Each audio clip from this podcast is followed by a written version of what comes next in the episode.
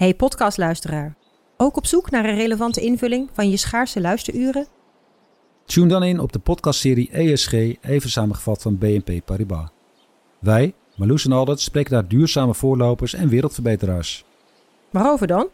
Nou, bijvoorbeeld of we ooit duurzaam kunnen gaan vliegen. En waarom koeien in de stad nou een goed idee is?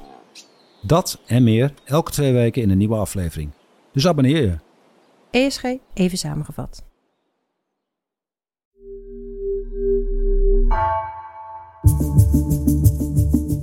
Vanaf de redactie van NRC het verhaal van vandaag. Mijn naam is Egbert Kalsen.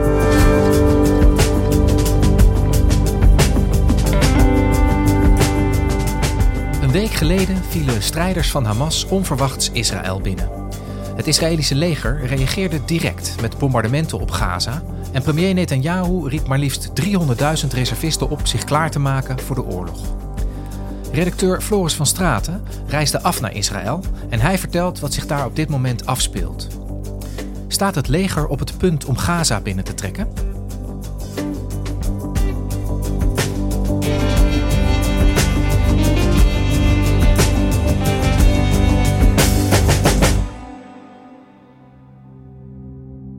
Floris, op het moment dat uh, Hamas Israël aanviel vorige week, ben jij direct naar Israël gevlogen om daar verslag te doen. Hoe is het daar? Ja, ik ben vorige week zaterdag meteen op het vliegtuig gestapt toen deze crisis losbarstte. Ik kon toen alleen nog maar een vlucht krijgen naar Amman, de uh, Jordaanse hoofdstad uh, in het buurland Jordanië. En zou aanvankelijk doorvliegen van daaruit naar Tel Aviv. Maar dat lukte niet omdat het vliegveld toen al was afgesloten wegens alle raketten die ook in Zuid-Israël terechtkwamen. Toen ben ik in plaats daarvan met een taxi naar een grensovergang in het noorden van Jordanië en het noorden van Israël gegaan. Waar ik dan vervolgens met bussen en trein naar Tel Aviv kon komen. Dus zondagavond pas arriveerde ik daar. Meteen al bij aankomst zondag merkte ik dat er een heel andere sfeer hangt dan eh, anders in Tel Aviv. Tel Aviv is echt een uitgaansstad voor restaurants en cafés. En dat speelt zich allemaal ook deels door het mooie weer dat er meestal heerst op straat af. Maar nu was het echt uitgestorven op straat. Het kostte grote moeite om een taxi te vinden naar het hotel. En er was bijna niemand meer uh, die naar buiten ging. En dat bleef de dagen daarna eigenlijk ook steeds zo. De meeste winkels zijn ook dicht, kantoren zijn dicht. Mensen zijn gewoon thuis gebleven, ook omdat ze dus bang zijn voor luchtalarmen die steeds af kunnen gaan. Dat gold nog sterker voor de plaats Ashkelon, waar ik toen op maandag naartoe ben geweest. Dat is een stad die nog veel dichter bij de Gazastrook ligt dan Tel Aviv. En na mijn bezoeken aan Tel Aviv en Ashkelon ben ik naar Jeruzalem gegaan. En van daaruit heb ik ook de westelijke Jordaanoever bezocht.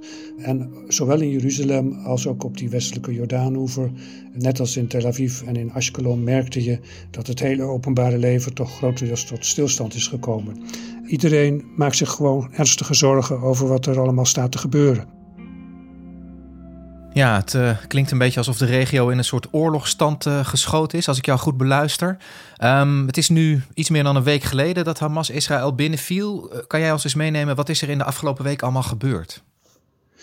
Nou, het begon natuurlijk op zaterdag met die grootschalige aanvallen van Hamas.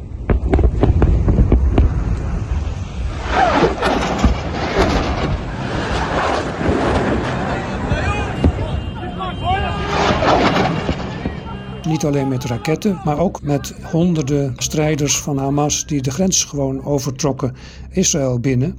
En die daar in kibbutzen aan de grens, maar ook in kleinere grensplaatsen een bloedbad aanrichten. Hamas heeft in die korte tijd dat ze actief waren, vorig weekend, over de grens zo'n 1300 Joden gedood en Israëliërs. En het heeft er ook toe geleid dat Israël zelf meteen keihard is gaan terugslaan, met name via zijn luchtmacht, die al vanaf vorig weekend bijna constant zware bombardementen heeft uitgevoerd op Hamas en ook op de Gazastad.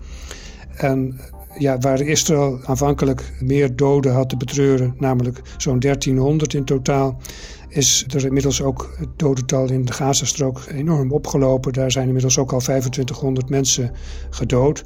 En waarschijnlijk zijn daar nog niet eens bijgeteld de 1500 Hamas-strijders die Israël ook zegt te hebben geliquideerd toen ze eenmaal met hun actie waren begonnen in Israël. En uh, inmiddels is er zo'n grote Israëlische mobilisatie geweest. 300.000 reservisten zijn opgeroepen.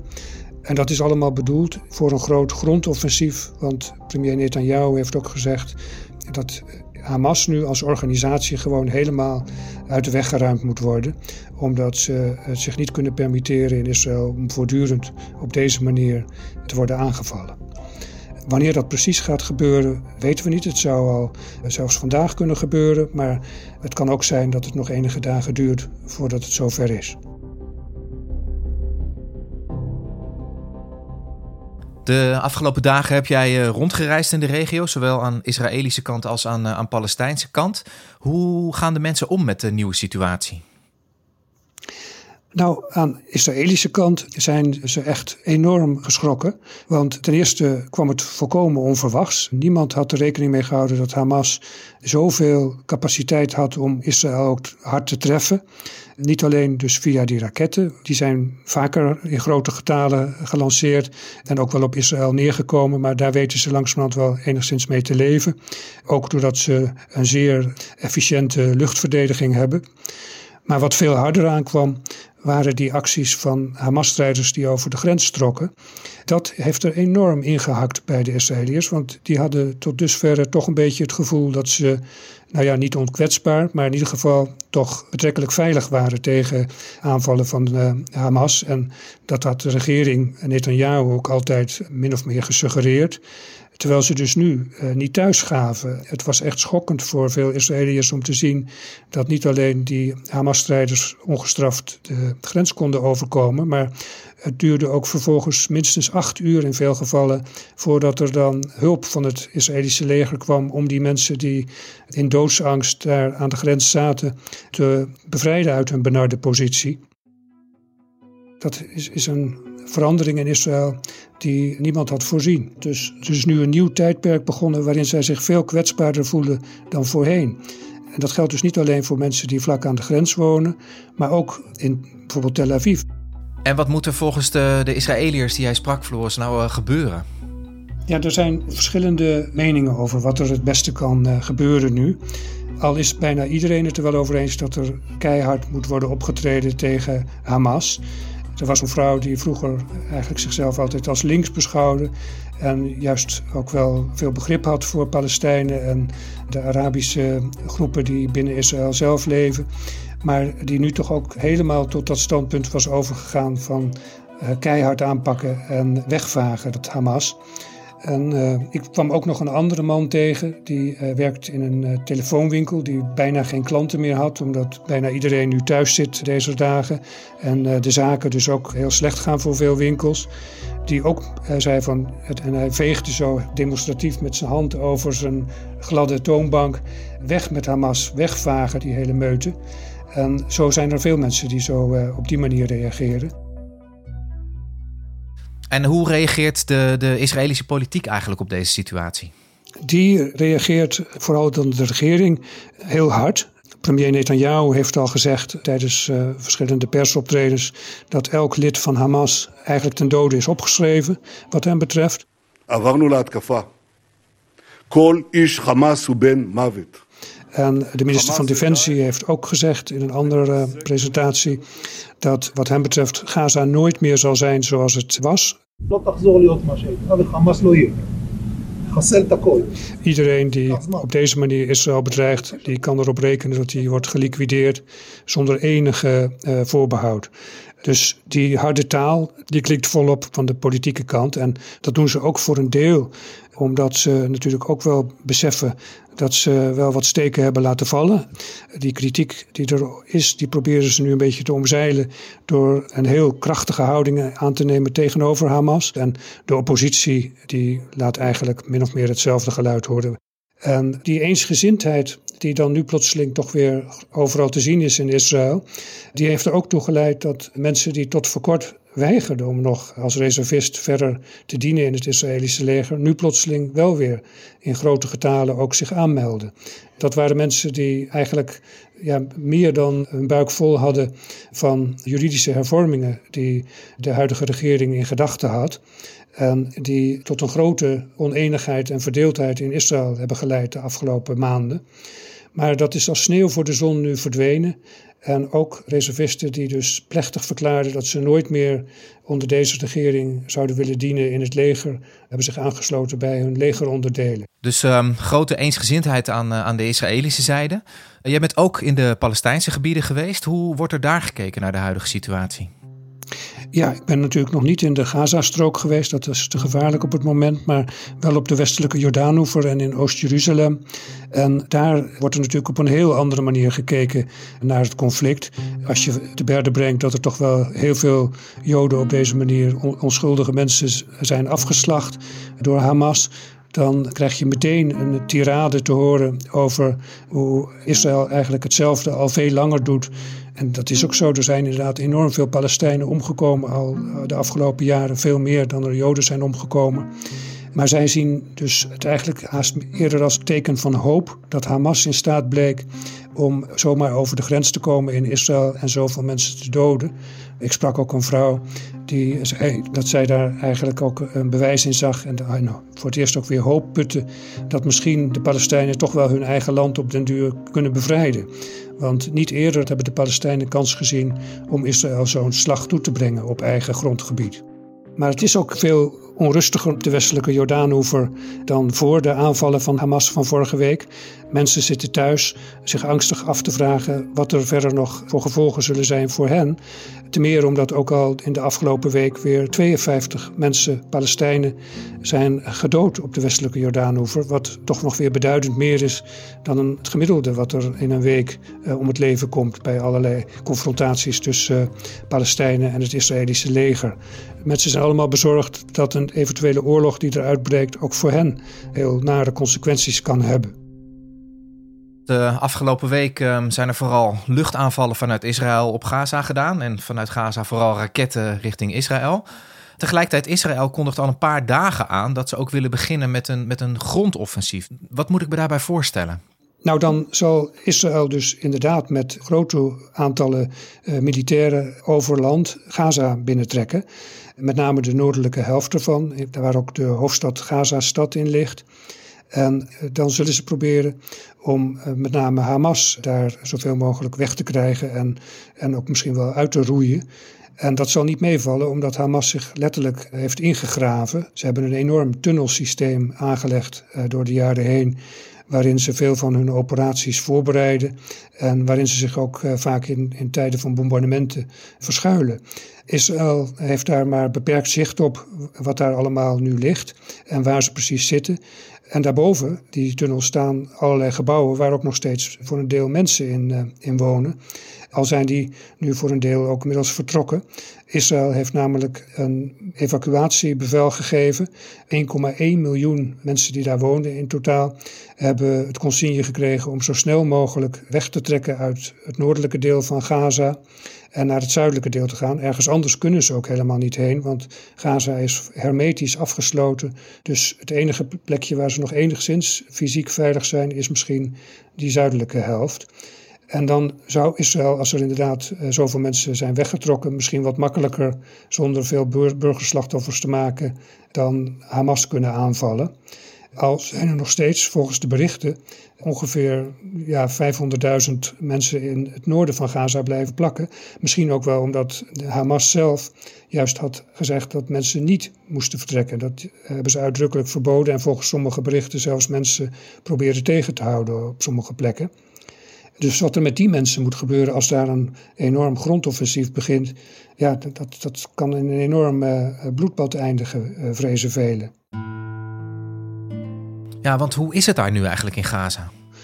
Nou, dat is daar natuurlijk een hel op het moment, in alle opzichten. Want er is ook geen uh, water en elektriciteit meer. En mensen zitten al langer hoe meer zich uh, zorgen te maken hoe ze aan water komen. Er schijnen zelfs al mensen te zijn in die noordelijke helft die ook zeewater nu drinken, ondanks het enorme zoutgehalte daarvan. En ook gewoon de fysieke veiligheid is natuurlijk zo'n punt van zorg. En de weg naar het zuiden is inmiddels ook al grotendeels versperd. En het is ook veel te gevaarlijk om nu nog zomaar te gaan reizen door de Gazastrook. Ze kunnen ook verder binnen Gaza zelf nergens meer heen. Dus niemand die zich om, om hen bekommert. Hamas, dat dan de Gazastrook bestuurt, is veel te druk met zijn eigen militaire overleven. Dus ze hebben van niemand eigenlijk enige steun te verwachten en ze zijn de wanhoop uh, volstrekt nabij. Ja. En Israël is al een paar dagen eigenlijk bezig met, uh, met deadlines opgeven aan de mensen. Hè. Jullie moeten nu uh, binnen nu en 24 uur het noorden van Gaza verlaten hebben. En dan een dag later volgt er weer een nieuwe deadline. Heb jij een verklaring van waarom ze dit zo lang lijken uit te stellen? Waarom ze niet beginnen met dat offensief? Ik denk dat ze zo zeker mogelijk van hun zaak willen zijn. En met name ook dat er niet al te veel Israëlische doden bij vallen. Want dat is altijd wel een van de uitgangspunten geweest van die Israëlische strijdkrachten. Dat ze echt proberen om zoveel mogelijk de eigen mensen ook in veiligheid te houden en, en te laten overleven. En ze zijn bereid om daar vaak ook behoorlijke concessies voor te doen. Er zijn zelfs gevallen geweest waar Israëlische krijgsgevangenen voor honderden Palestijnse gevangenen tegelijk werden uitgeruild. Omdat de Israëliërs gewoon zoveel waarde hechten aan het uh, behoud van eigen Israëlische levens. En wat ook nog een complicatie is voor het Israëlische leger is dat Hamas ook nog steeds zo'n 150 gijzelaars in handen heeft. En Hamas heeft al gedreigd dat zodra het grondoffensief zou beginnen, die één voor één zullen worden geëxecuteerd.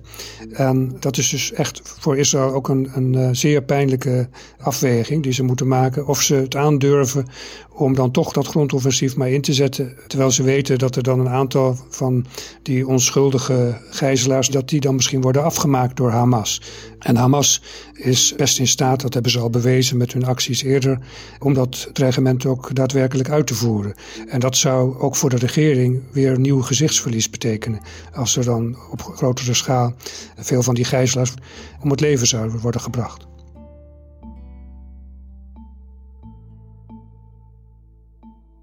Stel nou dat Israël uiteindelijk definitief overgaat tot dat grondoffensief en de Gazastrook ook echt gaat binnenvallen. Met welk doel zouden ze dat dan doen? Nou, het, eerste doel is om de dreiging, die er dus ja, duidelijk is uitgegaan, al jarenlang inmiddels van Hamas, om daar een eind aan te maken. Dat is hun hoofddoel. Of dat lukt, is nog maar de vraag. Misschien kunnen ze wel Hamas zeer zware klappen toebrengen. Maar ja, ik ben bijvoorbeeld op de westelijke Jordaanoever gisteren ook weer mensen tegengekomen die erop wijzen dat geweld alleen maar tot meer geweld leidt. Dus mensen die bijvoorbeeld nu hun zoons of hun vaders verliezen of moeders, die zullen zelf ook weer eerder geneigd zijn om dan, als het stof een beetje is neergedaald, om dan alsnog weer Israël aan te vallen. En misschien dan zullen ze zich niet meer bij Hamas kunnen aansluiten, maar dan komt er wel weer een of andere andere verzetsorganisatie die uh, op den duur dan op, ook weer voor problemen gaat zorgen voor Israël.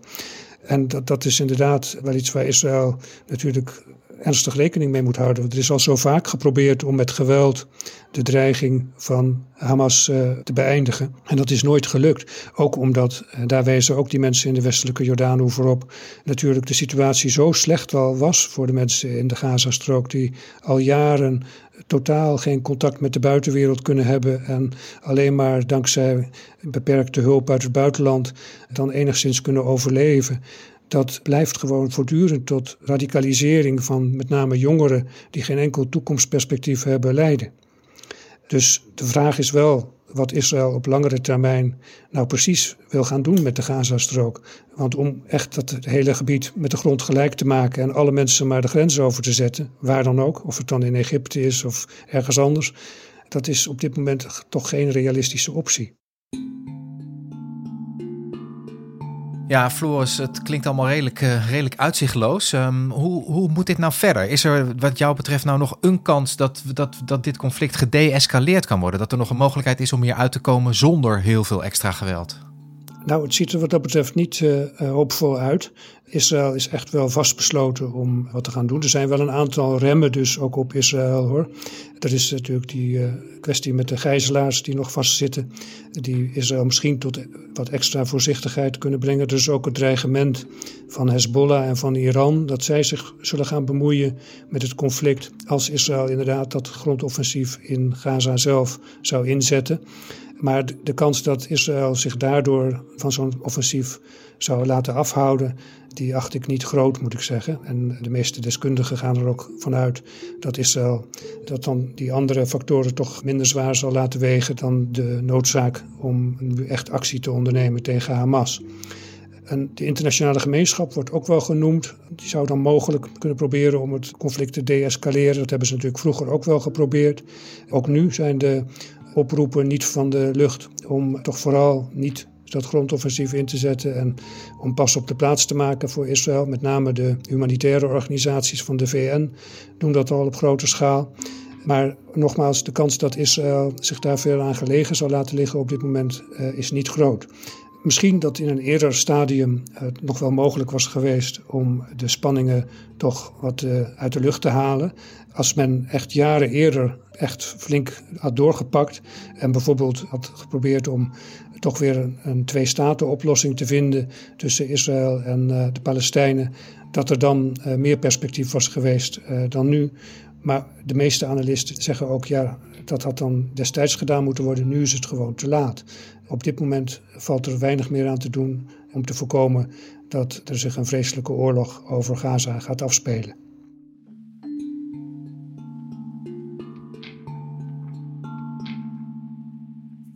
Dankjewel, Floris. Graag gedaan.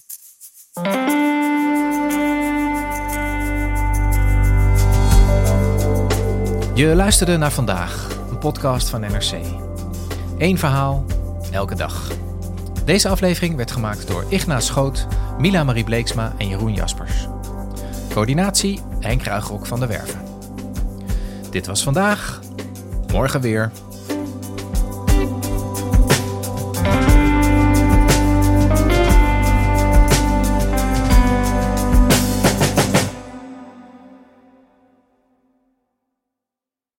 Technologie lijkt tegenwoordig het antwoord op iedere uitdaging.